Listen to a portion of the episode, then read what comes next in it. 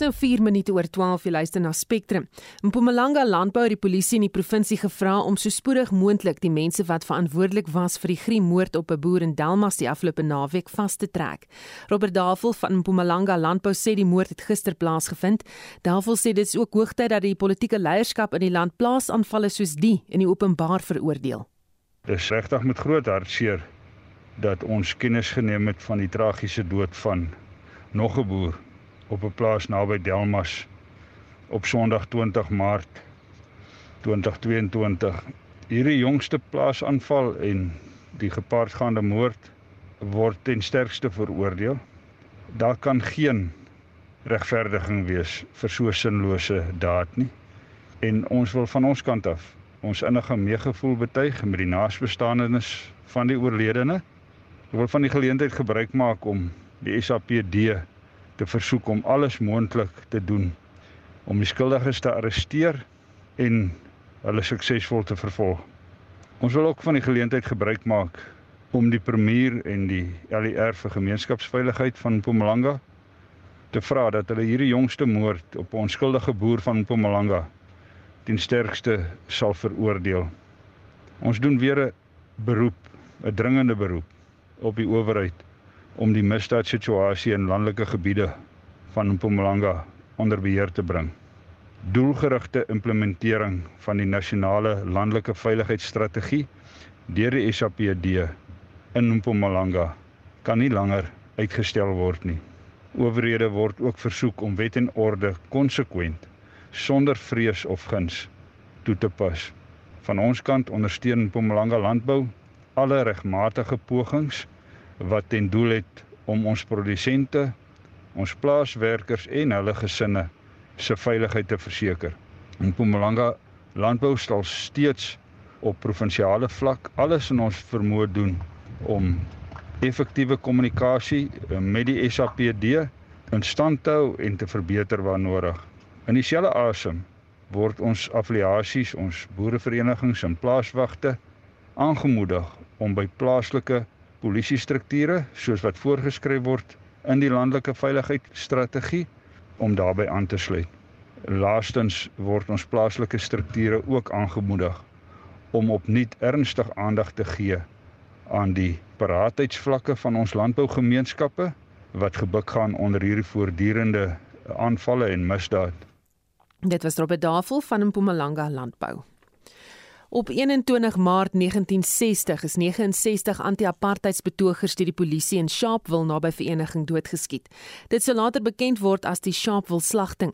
Dit is ook die rede waarom ons vandag Menseregte Dag vier. Maar 62 jaar later en die slagting van mense in Suid-Afrika duur voort. Vier mans en twee vroue tussen die ouderdomme van 22 en 27 jaar is gistermiddag in Enkanini en Khayelitsha op die Kaapse vlakte doodgeskiet. Volgens die polisiewoordvoerder Novella Patelwa word drie verdagtes steeds gesoek. Die voorval plaas op nie die kalklig op bende geweld op die vlakte. Ons praat nou hieroor met die oud polisiehoof in die Wes-Kaap, advokaat Lennet Max. Goeiemôre Lennet. Goeiemôre Susan. Die moorde is kenmerkend aan bende geweld. Wat weet ons van die bendes in die Enkanini nedersetting in Khayelitsha? Ja, op die oomblik, jy weet ek dien ook op die ehm um, portfolio komitee van die stad vir veiligheid en sekuriteit.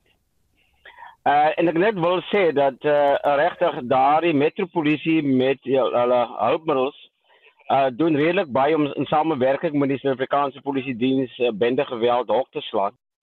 Dit is so dat uh, bende geweld en die bestaan van bendes 'n uh, integrale deel is van 'n bepaalde gemeenskap en veral in gebiede waar die regering nie noodwendig aan die sosiale en maatskaplike uh tekortkominge en behoeftes van mense aan voldoen nie en dan beweeg bendes in en hulle skep dan 'n uh, tweede uh, ekonomie ehm um, daar so en voorsien aan daardie behoeftes van mense en gevolglik uh het hulle 'n houvas op daardie gemeenskappe. So dit is 'n ernstige probleem en 'n probleem wat nie slegs deur ehm um, polisieering opgelos kan word nie. So ehm um, daar moet van uh ander departemente uh wel 'n uh, konstruktiewe integrale benadering wees om daardie maatskaplike probleme aan te spreek wat oorsake is tot bende se bestaan en voortbestaan en uh die geweld wat tans heers. Hmm. Tot watter mate hou bende verwante misdaad verband met ander misdade in die land? Ja, ander misdade is uh jy weet die die probleem in ons land is dat misdaad ehm um, jy weet buite beheer is. En ehm uh, bende geweld is nie geïsoleerde misdaad nie, dit het ook aanleiding tot ander ge, uh, misdade. Uh, ek wil ook by verstout om te sê dat hierdie transito rooftogte is bendes uh, in daardie vorm van formaat wat ook daardie misdade pleeg en dan het jy ook bendes wat dan betrokke is by motorkapings, huisrowe om so voort om sodoende dan ook um, finansiëel uh, baat te vind om hulle bedrywighede aan te voer. So, uh bende geweld is uh sluit in moorde soos hierdie wat ons tans plaasgevind uh, uh wat tans plaasgevind het gister en voorheen. En en daarom is dit 'n uh, daar 'n ernstige beroep, jy weet, op die regstelsel om meer effektief te wees as ook om ons gemeenskappe om meer betrokke te raak. Jy weet, ehm um, daar ek het 'n vriend hy's 'n gewese kolonel in die polisie ehm um, kolonel Leslie uh, Sigelaar hy staan besig met 'n doktorsgraad om te sien hoe kan gemeenskappe meer en doeltreffend aangewend kan word in die stryd teen misdaad. En, en en dit is verblydend om te sien dat mense wat buite die polisie tans is weens uh, ook 'n bydrae wil lewer om ehm uh, gemeenskappe uh te bemagtig om te sien hoe hulle dit kan doen maar ons bevind ook tans probleme waar die GPF's wat die oorsig ehm um, liggaam moet wees oor die polisie om te sien dat daar hulpbronne dienoorkomstig aangewend word volgens die gemeenskap se behoeftes tans nie die nodige ondersteuning kry van die die regeringsdepartemente wat daartoe in staat is of veronderstel is om diens aan hulle te lewer en hulle te ondersteun nie. So waar lê die groot probleem? Hoekom kry ons nie bende geweld onder beheer nie? Is dit die, die maatskaplike kwessies in gemeenskappe? Is dit die gemeenskappe wat nie uh, jy weet deel is van die polisieeringsproses nie of lê dit dan nou op 'n regeringsvlak? Ja, uh, kom ek sê vir jou, uh, dit lê op regeringsvlak aan beide kante. Uh polisieering aan die een kant en uh die sosiale maatskaplike omstandighede wat 'n uh, groot oorsaak is tot hierdie bestaan en voortbestaan van van bendes. Uh jy moet weet dat uh by enige pleging van 'n misdaad is daar twee faktore wat teenwoordig is. Dit word in polisiekindetaal genoem precipiterende en predisponerende faktore wat in simpel Afrikaans beteken uh die begeerte om 'n misdaad te pleeg en die uh, geleentheid om 'n misdaad te pleeg.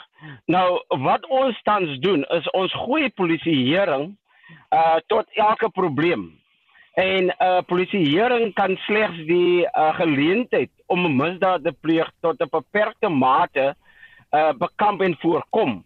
Maar wanneer die polisie dan uit die omgewing uit is, uitbeweeg, want hulle kan nie daar wees vir 24 ure nie. Daardie begeerte om 'n misdaad te pleeg word dan gekombineer met die geleentheid om 'n misdaad te pleeg en die mense gaan dan die misdadigers gaan oor tot aksie. Nou, dit is soos ek reeds gesê het, jy kan nie hierdie probleem slegs met polisieering aanspreek nie. Ek het op die 5de van Julie 2019 'n konsep misdaadvoorkomingsplan aan die provinsiale premier van die Weskaap Ellen Windy gestuur waar ek voorstelle gemaak het waar ek voorstel dat hy die voorsitter of 'n gedelegeerde die voorsitter van 'n komitee is waar alle staatsdepartemente wat die polisie insluit moet aksieplanne opstel om die behoeftes in bepaalde gebiede aan te spreek en dan ook ehm uh, uh, alle keer datums vir goed wat aangespreek en dat daar byvoorbeeld maandeliks sub uh um 'n subraad uh, voorste uh, voorleggings gedoen word en kwartaalliks aan hom as die premier sodat jy 'n geïntegreerde benadering kry want niemand hou die provinsiale ministers verantwoordelik uh tot die voorkoming en bekamping van misdaad. Nie. As jy 'n sportportefeulje het, die sportportefeulje het 'n direkte verband tot uh misdaadvoorkoming.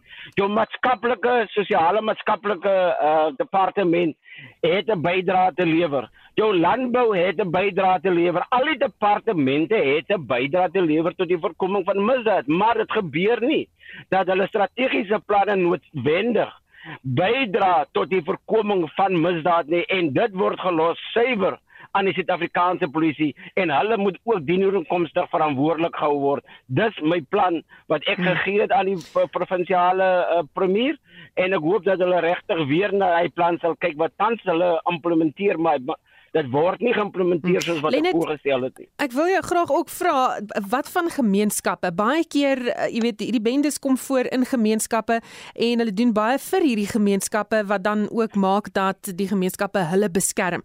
Hoe gaan mens daardie siklus breek? Jy weet die, die enigste manier om dit te breek, soos jy reg sê, is dat hulle is totaal afhanklik van die inkomste en die voorsiening van uh dit wat uit misdaad aksies plaasvind deur bendes. Nou as bendes betaal skoolfooie, bendes betaal die rent van die huis en bendes sit uh die brood op die tafel waar die regering afwesig is. Werkskepping. As ons kyk na ons uh werkloosheid op die oomblik, dan staan dit ek dink iets by 34, 35 en jeugdig is dit omtrent 74.8% wat ek nog laas gelees het.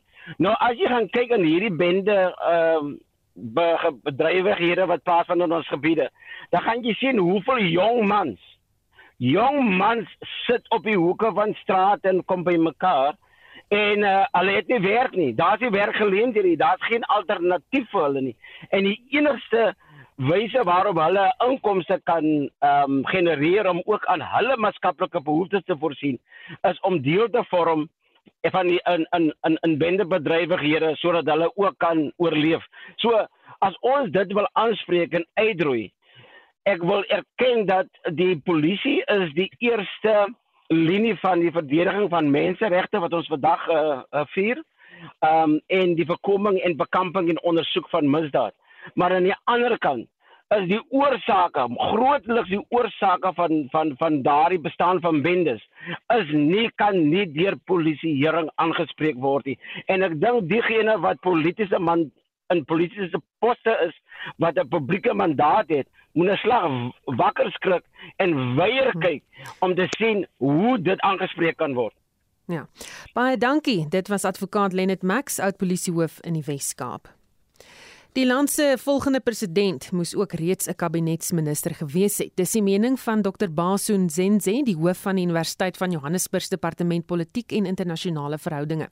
Nzenze sê sedert die verkiesing van Nelson Mandela in 1994 as president, het geen van die presidente nog in die kabinet gedien nie. Hy het vroeër aan SAK nuus gesê dit word al duideliker sigbaar in die manier waarop die land bestuur word. Since 1994, several heads of government, our presidents and heads of the executive have not had prior ministerial experience, and yet they are expected to extract performance from ministers who serve under them. This has had very bad implications for the country, I argue, because we've essentially had ministers of everything, i.e., the president, who has not had an experience of what goes into the day to day of uh, managing a ministry. And one of the problems, of course, is target setting. We've seen zone after zone, different all sorts of widening and promises made by the president. And a large part of this stems from the information that they are provided by their ministers who perform this function without, uh, but instead report to a person who's never held uh, this, this, this role.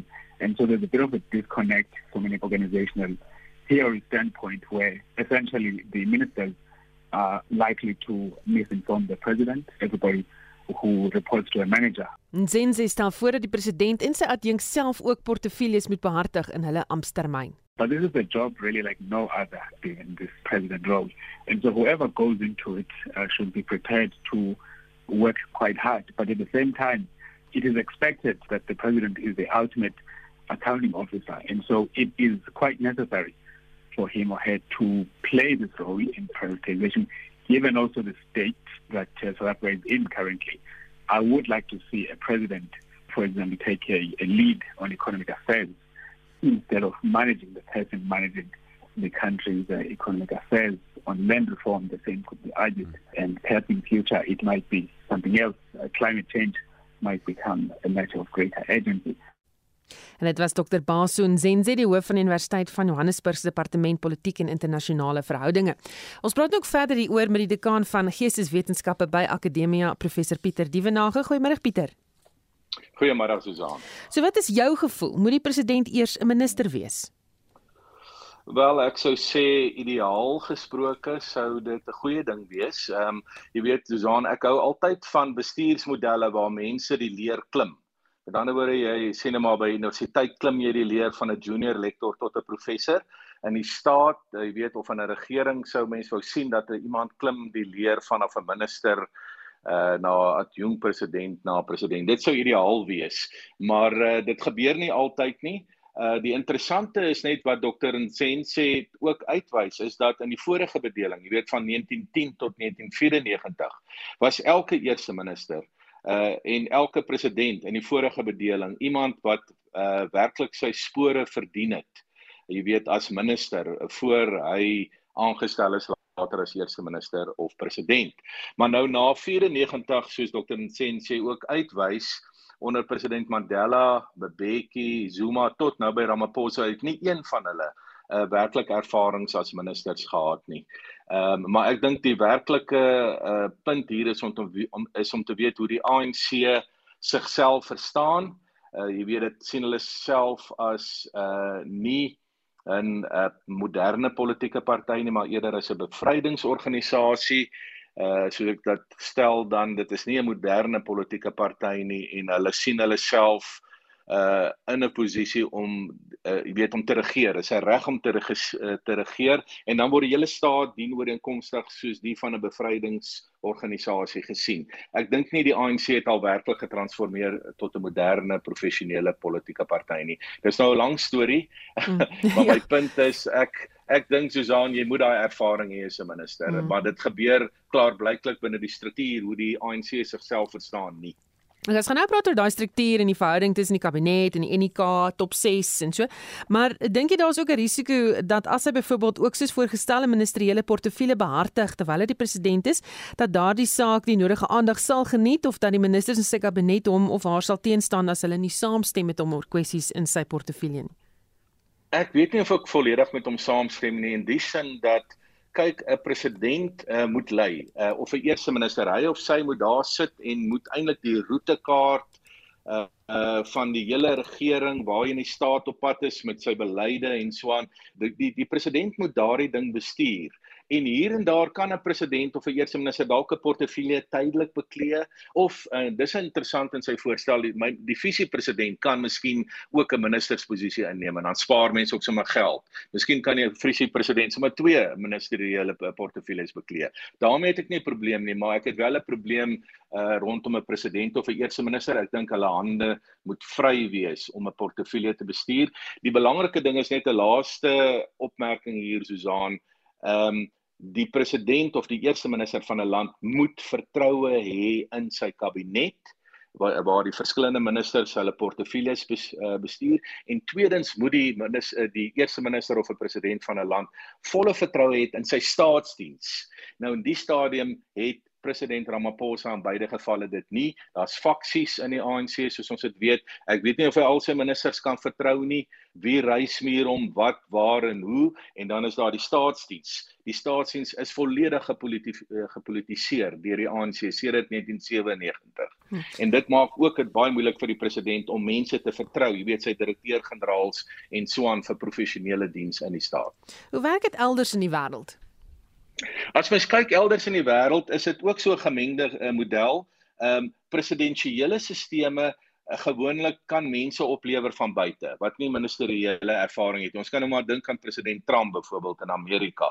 Ook uh, president Putin het voordat hy president geword het eintlik geen ministeriële ervaring gehad nie. En dis nie ideaal nie, maar in 'n stelsel soos Amerika is daar gewoonlik ministers wat voorheen ministeriële ervaring gehad het en 'n baie goeie professionele staatsdiens. Dis nou wat Amerika en Brittanje aanbetref. In parlementêre stelsels soos Brittanje Uh gewoonlik moet die eerste minister baie goeie ministeriële ervaring hê. Uh soos ons ook sien dat uh eerste minister Boris Johnson met al sy gebreke en al sy goeie punte, um hy was 'n minister by verskeie kere in 'n kabinet. So met ander woorde wanneer hy eerste minister word in 'n par parlementêre stelsel, dan moet hy daai ervaring hê. Hoe werk of ja, hoe werk die ANC wanneer dit kom by die verkiesing van 'n leier in daardie posisie en wat is die verhouding tussen die top 6 die kabinet en die NK? Ja, dis nou die die die groot vraag wat ons weer terugbring by die ANC en die hele kwessie van leierskap en so aan. Die ANC se leiers word ehm um, uh jy weet elke 2 en 'n half jaar aangewys. Ehm um, en daardie uh, aanwysing geskied nie via die parlementêre uh caucus nie maar deur 'n algemene verkiesing binne die ANC met al sy takstrukture en dan word 6 top mense in die ANC aangewys en ook 'n nasionale uitvoerende komitee. En dan gewoonlik die ehm um, voorsitter van daai top 6 wat dan die president van die ANC is, hy stel dan 'n ehm um, 'n kabinet later saam uh, en uh ook parlementariërs vir die ANC. Die probleem is net Susan uh dat binne die ANC weet mense nie altyd presies waar lê die mag nie is die mag gesetel in die president of in die uh, top 6 of in die NEK en tweedens is die mag gesetel in Letoile huis in Johannesburg waar die ANC se hoofkantoor is of is die mag gesetel in die caucus van die parlementariërs van die ANC in Kaapstad. Dit gee vir jou 'n baie goeie idee waarom dit so kompleks en so moeilik gaan binne die ANC om die land wat daarvoor vra goeie bestuur te gee en om die land duidelik in terme van beleidsrigtings die toekoms in te vat. Baie dankie. Dit was uh, die dekaan van Geesteswetenskappe by Akademia Professor Pieter Dievenage en dit is Menseregte Dag vandag en ek sien die president is tans aan die woord in Koster in Noordwes. Later in die program berig ons daaroor. Internasionale nuus, net 'n waarskuwing, die volgende verslag kan sensitiewe luisteraars ontstel. Oekraïne het 'n ultimatum van Rusland dat soldate in Mariupol hulle wapens moet neerlê en die stad aan die Russe moet oorhandig geïgnoreer. In ruil hiervoor sou Rusland humanitêre toegangsroetes oopstel sodat mense die stad kon verlaat en toelaat dat medisyne, kos en ander voorraad na inwoners in die stad geneem kon word. Estie het vir ons die jongste nuus. Ja, Susan, ons weet dat inwoners in Mariupol reeds weke lank nie meer toegang tot lopende water of elektrisiteit het nie en daar word berig dat sowat 300 000 mense steeds in die stad vasgevang is en dat voorrade aan die kwyn is. Oekraïne se adjunk eerste minister Irina Vereshchuk het egter gesê Oekraïne sal nie sy wapens neerlê of die stad oorhandig nie. Die BBC se hoof-internasionale korrespondent Lise Doucet verduidelik wat die Russiese ooreenkoms behels het. This is the kind of policy we often talk about, trying to starve a city into submission. The Russian order also said that if the residents and the troops protecting them leave, then suddenly the humanitarian corridors will open to go east or west. Suddenly the food, which the Russian forces have not been allowing to enter the city, will be allowed to enter. In other words, you will be able to get the kind of relief that we have denied you for the past three weeks. But militarily, the Ukrainian officials in the city said yesterday it's a question of numbers. We're fighting in the city center now, what's left of it. They have far, far more troops than us. Nou Oekraïne se president Volodymyr Zelensky het laat gisteraand in Kiev, Rusland se aanhoudende bombardering van Mariupol veroordeel. Ja, Zelensky het daarna verwys as oorlogsmisdade wat daar gepleeg word. Nou sowat 90% van die hawe stad se geboue is reeds deur bomme verwoes. Woonstelblokke en 'n inkopiesentrum is totaal verwoes en verlede week is 'n teater waar sowat 1000 mense geskuil het aangeval. Buite die teater op die grond was die Russiese woord vir kinders geskryf, maar Moskou het ontken dat Rusland die teater aangeval het. Gister is 'n kunstskool waar sowat 400 vroue, kinders en bejaardes geskuil het gebombardeer en verwoes. En sowat 4000 mense kon gister die stad verlaat, Susan. En dan by 'n hospitaal in Zaporizhia het 'n inwoner van Mariupol, Vladimir, vertel van sy dogter en kleindogter wat in 'n bomaanval in Mariupol dood is. Soos by die hospitaal word talle kinders wat beseer is behandel. Vladimir vertel hier in 'n hartverskeurende onderhoud met die BBC hoe hy probeer het om sy dogter Natasha en kleindogter Dominique te red. Sy ander dogter is ernstig beseer en is in die hospitaal en hy sê hy weet Hy moet nou sterk wees ter wille van haar. Я подбегаю к Доминичке, кричу Доминичка. I ran up to my granddaughter and I'm screaming, Dominica, Dominica, but there she lies, says Vladimir. I then rush to Natasha, grabbing whatever I can find, a scarf, to bandage her legs. Ноги перевязываю ей. Ой, Господи, за что?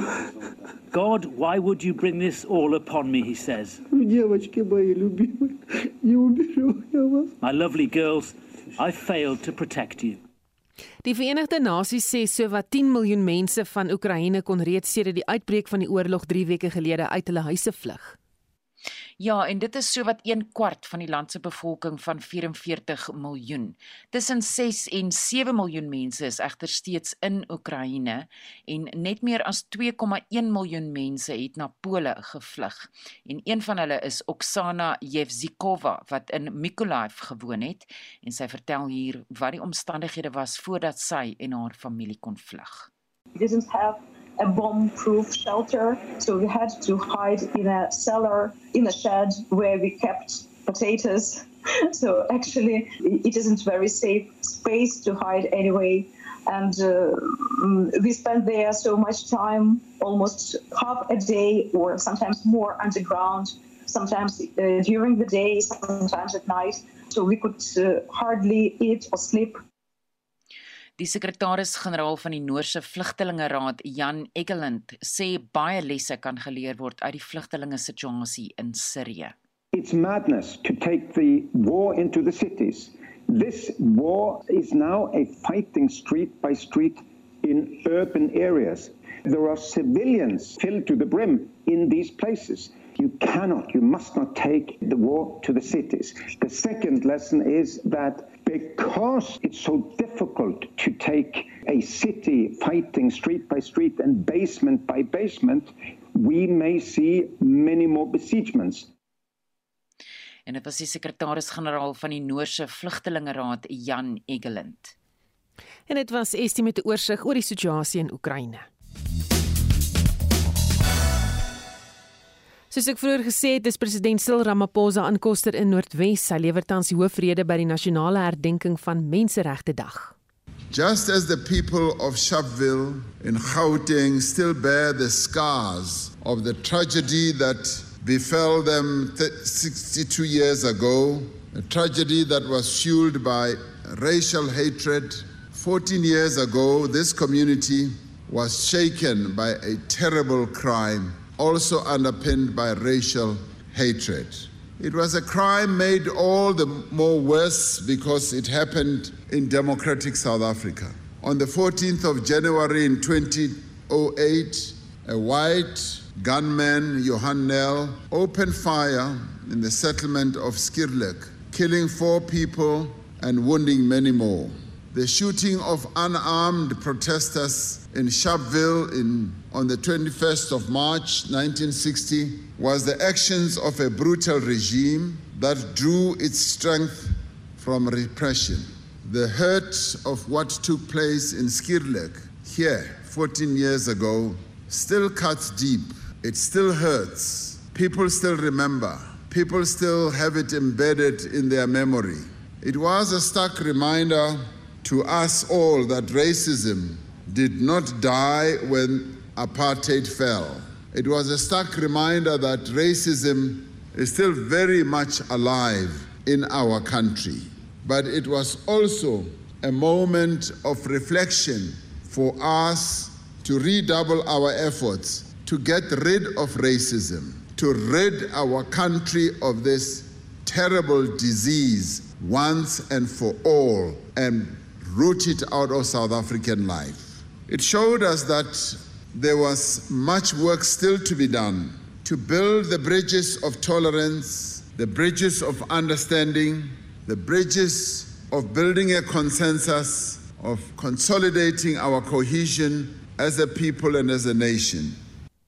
En dit dan die president Cyril Ramaphosa tydens vandag se nasionale herdenking van Menseregte Dag in Koster in Noordwes. Die DA sê honger en armoede is twee van die grootste bydraers tot ongelykheid in Suid-Afrika. Die party se leier John Steenhuisen het met Jamari Verhoef oor die betekenis van Menseregte Dag gepraat en oor wat die DA as prioriteite in die bevordering van menseregte beskou ons verloor 7500 kinders elke jaar van dood is van honger. Ons kan nie aangaan met mense wat bly in armoedigheid. In die volgende maand as die social welfare grant op deur 4.5% opgaan. Maar die feit is dat die elektrisiteitspryse is 11%, die prys van brandstof is 9.6% en die pryse van kos sal heelwat duurder wees in die voorkomende maande met inflasie maar ook met die oorlog in Ukraine. Sit met 'n groot probleem in 'n regering wat geen nie om vir arme mense nie.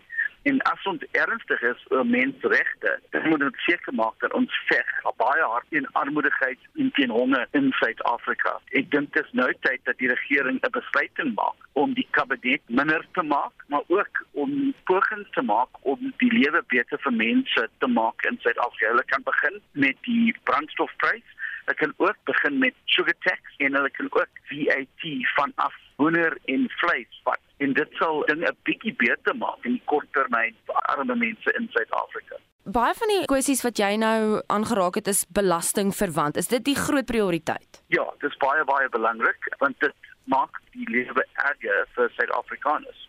En beslis die arme mense in Suid-Afrika. Hulle het nie 'n keuse nie.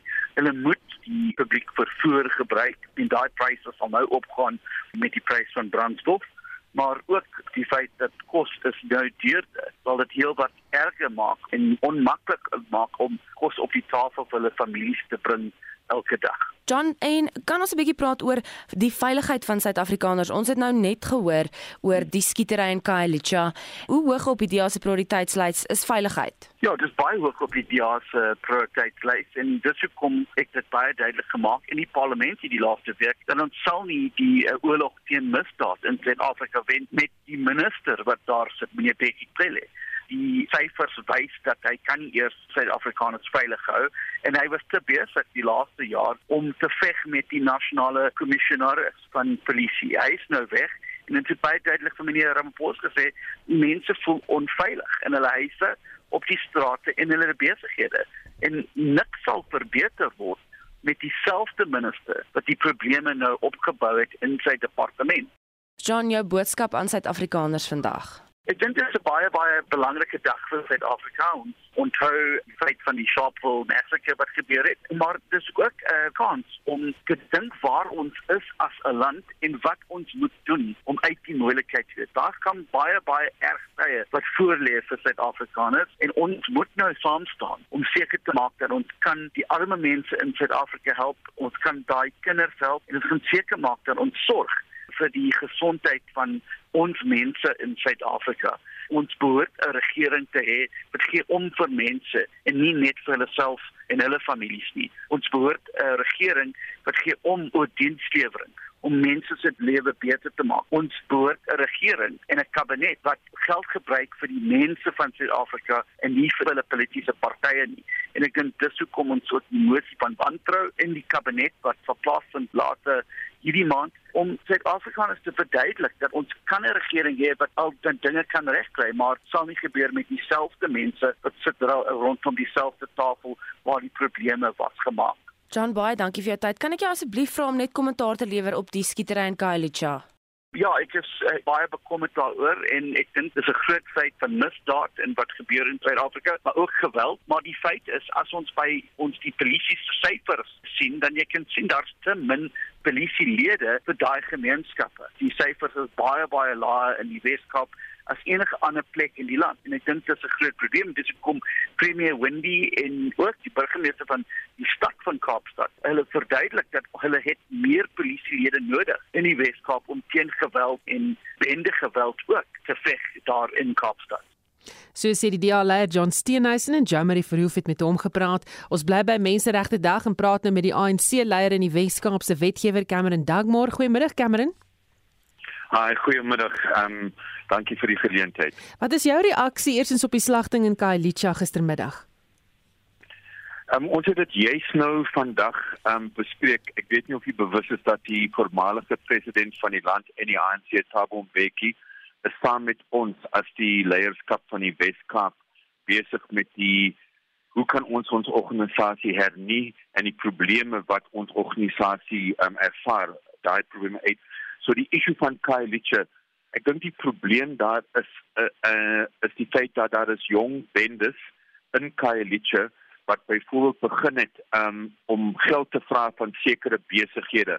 Maar dit het nou verder gegaan dat die jong bendes vra nou geld eintlik van die gemeenskap in terme van as u nie jou kar uh, wil laat uh, gesteel word, jy moet soveel vir ons betaal. En nou beklei die jong bendes onder mekaar oor wie beheer section C in Khayelitsha wie se beheer van ehm um, uh, gedeelte A en so aan. En die moorde wat aangaan, ehm um, is in 'n manier gekoppel ehm um, met met die binnengevegte uh, onder die bendes, maar daar's ook groot soos jy weet die geweld teen vroue in Khayelitsha um, in Manenberg en ander gebiede. En ek dink op menseregte dag is dit belangrik dat ons moet sê byvoorbeeld van ons kant af as die ANC, ons het gesê ons soek 'n beter lewe vir almal. Daai beter lewe moet gebaseer word op die vryheidsmanifest op ons grondwet en is nie net regte ons het baie bereik in terme van ehm um, regte soos vryheid van spraak, die die die vryheid van die media, maar dit gaan oor daai basiese sosio-ekonomiese regte, ook die reg tot veiligheid in ons strate. Byvoorbeeld ons het hier bespreek dat in terme van die ANC takke daar is ses issues wat die ANC takke moet doen. Ek gaan net een uh, noem en dit is om straatkomitees te stig in die in in die gemeenskap, nie ANC straatkomitees, maar onpartydige straatkomitees om ons uh buurte veilig te maak. En die feit dat ons takke dit nie doen nie, beteken dat ons uh, gemeenskappe um nie veilig is.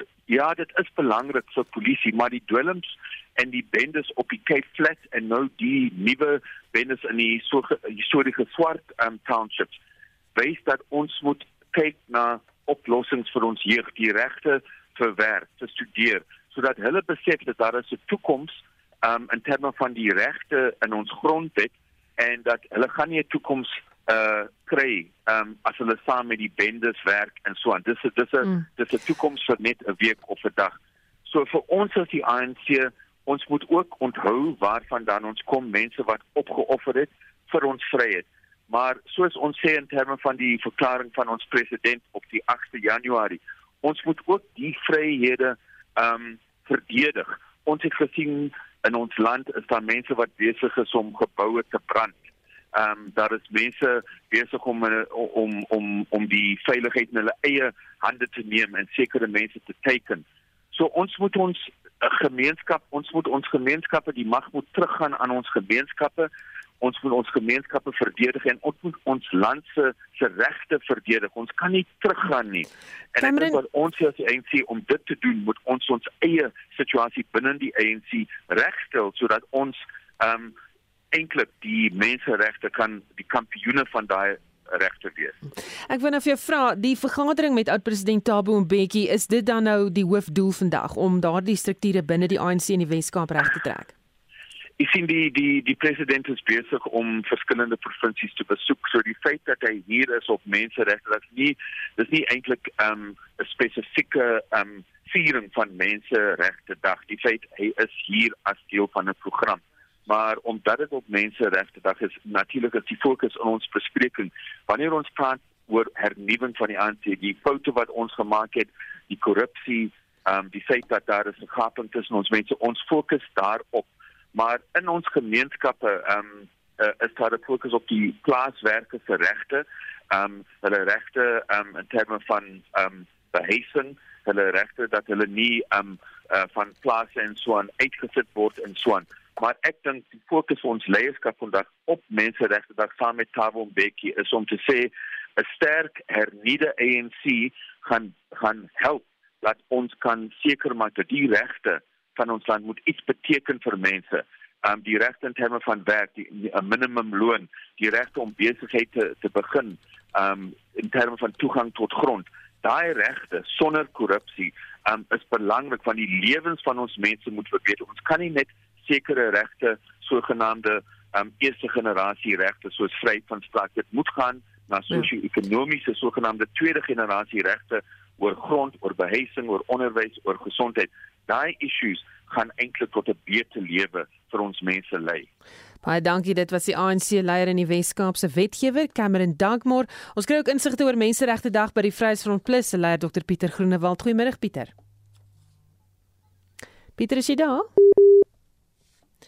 Lyk vir my uh, dat die lyn nou eers so 'n bietjie hang. Ons gaan kyk of ons hom uh, kan terugkry op die lyn om te hoor wat hy sê. Dis natuurlik die leier van die Vryheidsfront Plus, Dr Pieter Groenewald, en ons praat oor Menseregte Dag. Pieter, is jy daar?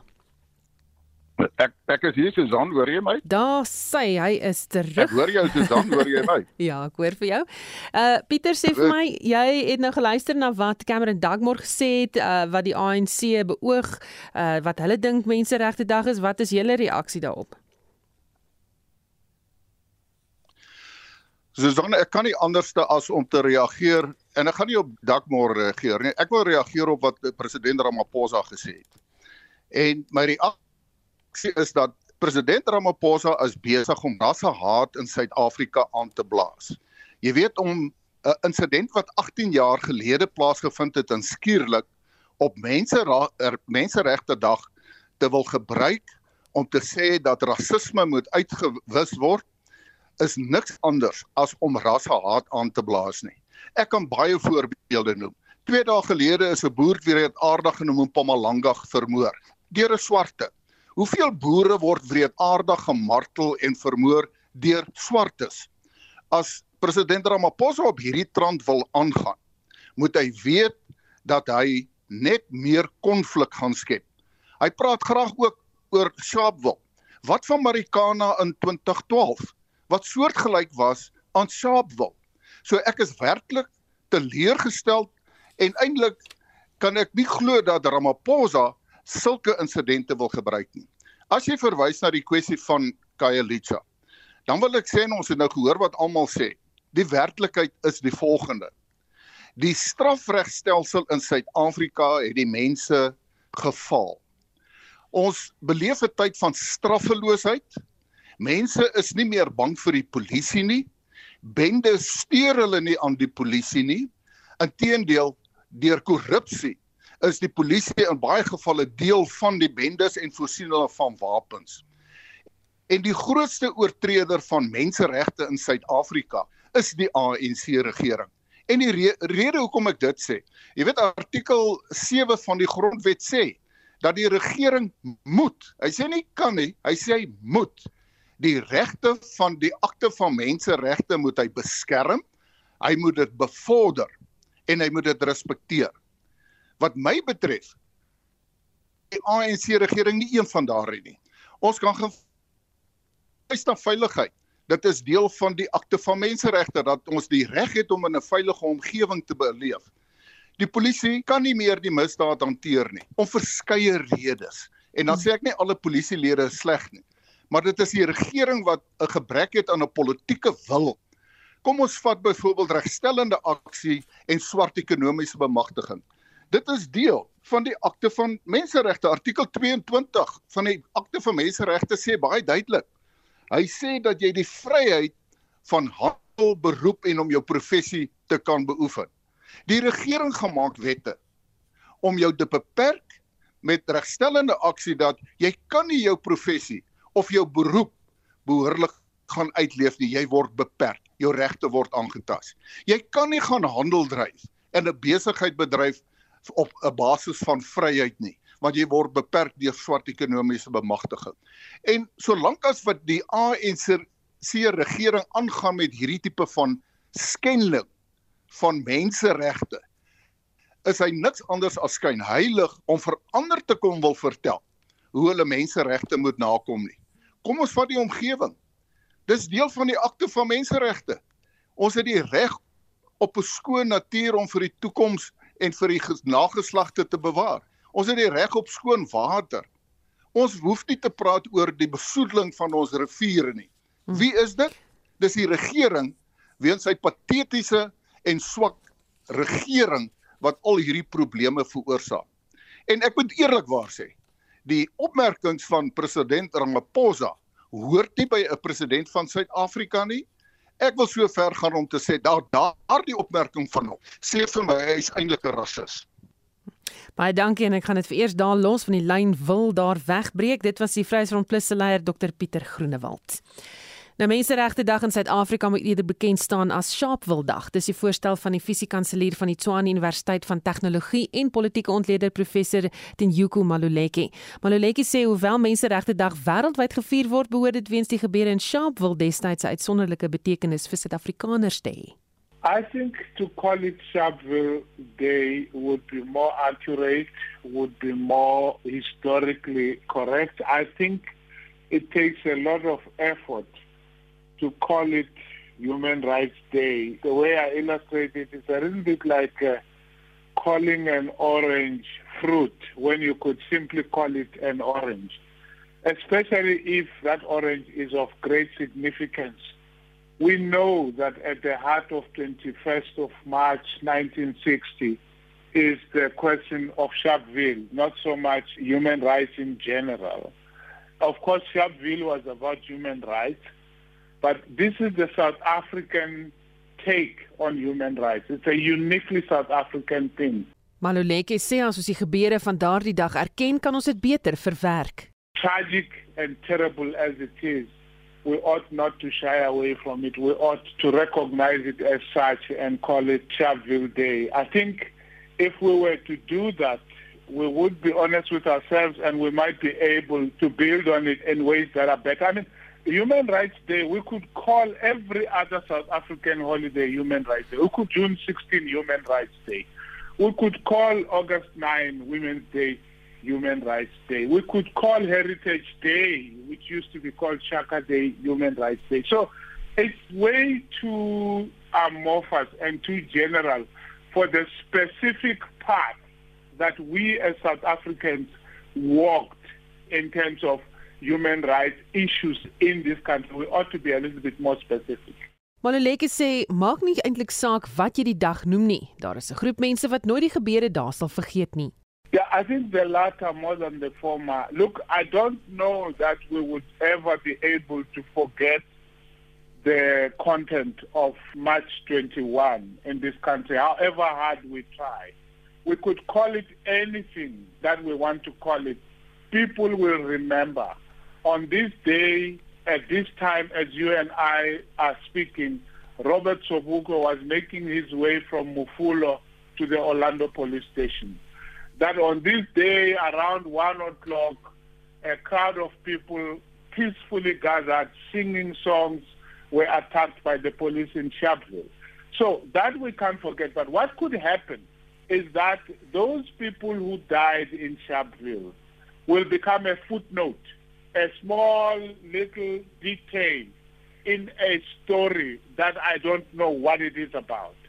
So the narrative is changed, and we now take the 69 and more people who died, the 180 and more people who were injured, become some kind of illustration rather than the heart of what it is that we are remembering today. Dit was die voorstel van die fisiekanselier van die Tshwane Universiteit van Tegnologie en politieke ontleder professor Tinyuku Maluleke. Ekonome waarsku Suid-Afrikaners dat lewensonkoste moontlik verder kan styg. Statistiek Suid-Afrika sal 'n verwagting hierdie week 'n hoër inflasiekoers aankondig weens die stygings van olie, brandstof en kospryse en die Reserwebank sal ook na verwagting donderdag 'n stygings in die rentekoers aankondig. Ons praat met die hoofekonoom van CH Economics Dr. Chris Harmse. Goeiemôre Chris. Môre Susan. Met hoeveel persentasiepunte sal die inflasiekoers en rentekoers na verwagting dan styg? Maar alle aanduidings is dat die inflasiekoers gaan styg van 5.7 in Januarie tot uh, eh, 6% in Februarie. En alle aanduidings is dat die Reserwebank in reaksie daarop 'n uh, rentekoerse waarskynlik weer verder met 0.25% gaan laat styg, so dis die derde keer in drie vergaderings. En dan hoekom hierdie verhoging? Ja, meestal uh alhoewel baie mense dink dat dit is as gevolg van inflasie wat nou by die 6% is, ek dink nie so nie. Ek dink hulle het 'n ander agenda. Uh en die agenda is die wisselkoers. Dis vir my duidelik dat hulle die wisselkoers van die rand wil beskerm. Uh in lyn met die res van die wêreld. Die FSA het verlede week aangekondig dat hy verhoog sy uh, uitleenkoers ook met 0.25 van 'n persent en hy kon met die skok uh aankondiging gekom dat hy gaan dit nog 'n verdere 6 keer verhoog hierdie jaar. Hoewel hy verwag om dit nog 'n verdere 6 keer te verhoog. Ons het nou al reeds 2 keer, dit kan 'n derde keer kom. En as ons dit nie doen nie, is daar twee goed. Nommer 1, dit gaan verdere druk op pryse plaas uh omdat uh, die wisselkoers sal dan gaan verder verswak. En nommer 2, dood eenvoudig die verwagting in inflasie is uh dat dit hier oor die 7% kan styg in die volgende 2 tot 3 maande. Uh so dit nie wat die inflasiekoers nou gaan wees, 5.9 of 6 by die hoogste teiken nie is die verwagting want dood eenvoudig die verhoging in petrol alleen behoort in die volgende 2 maande die uh, inflasiekoers met 1.6% te laat styg net direk indirek waarskynlik met 2% en dan voeg ons ook, nie, ook nog nie by wat die verwagting in uh natuurlik voedselpryse gaan wees nie. So die reservebank gaan vroegtydig optree en ek dink dis sy hoofrede. Nommer 1 beskerm die rand en nommer 2 keer dat inflasie nie verder styg nie Baie dankie. Dit was die hoofekonoom van CH Economics Dr. Chris Harmse. Later in die week sal ons uh, weer oor hierdie kwessies berig. Jamari het vir ons 'n opsomming van die dag se ontwikkelende stories en ander nuus. Die Hitsa Boeing en Boeing 737 begin al hoe meer traksie kry dit nadat 'n Boeing 737 vroeër vandag in die suide van China neergestort het. Daar's nog nie veel besonderhede bekend nie. Reuters berig egter dat die ongeluk 'n reuse bosbrand tot gevolg gehad het. Daar was 133 mense aan boord. Die gewildste onderwerp onder Suid-Afrikaners, dis nou as jy na Twitter se tendense kyk, is Human Rights Day. President Cyril Ramaphosa lewer vandag die hoofrede by die nasionale herdenking van Menseregte Dag in Koster in die Noordwes Noordwes. Hy vergelyk rasisme in Suid-Afrika met 'n siekte en sê daar's nog baie genesing om te doen. We are reminded of this even today when we hear of incidents of racism and intolerance in our schools, workplaces, in communities, in our universities, on the roads, in professional sectors, and in many other places where South Africans interface with one another. These incidents do sadden us. They make us angry, as they should. But much worse, they humiliate us. And one of the rights we should cherish in our Constitution, whether clearly articulated or not, is the right not to be humiliated. En dan van die ander sprekers sluit in die minister van sport en kultuur, die minister van korrektiewe dienste en die Noordwes premier. Hier is Fatima Khan van die Menseregte Kommissie. Violence against women and girls, sometimes in their own homes, continues unabated. We indeed have a long way to go. The time has come for us as a nation to really take stock of our moral compass and resolve that we want know that we need to do better. En dit dan die uh, Fatima Khan van die Menseregte Kommissie. Dit was Jamie met 'n blik op die dag se ontwikkelende en sosiale media stories. daarmee groet die Spectrum span. My naam is Susan Paxton. Geniet jou middag.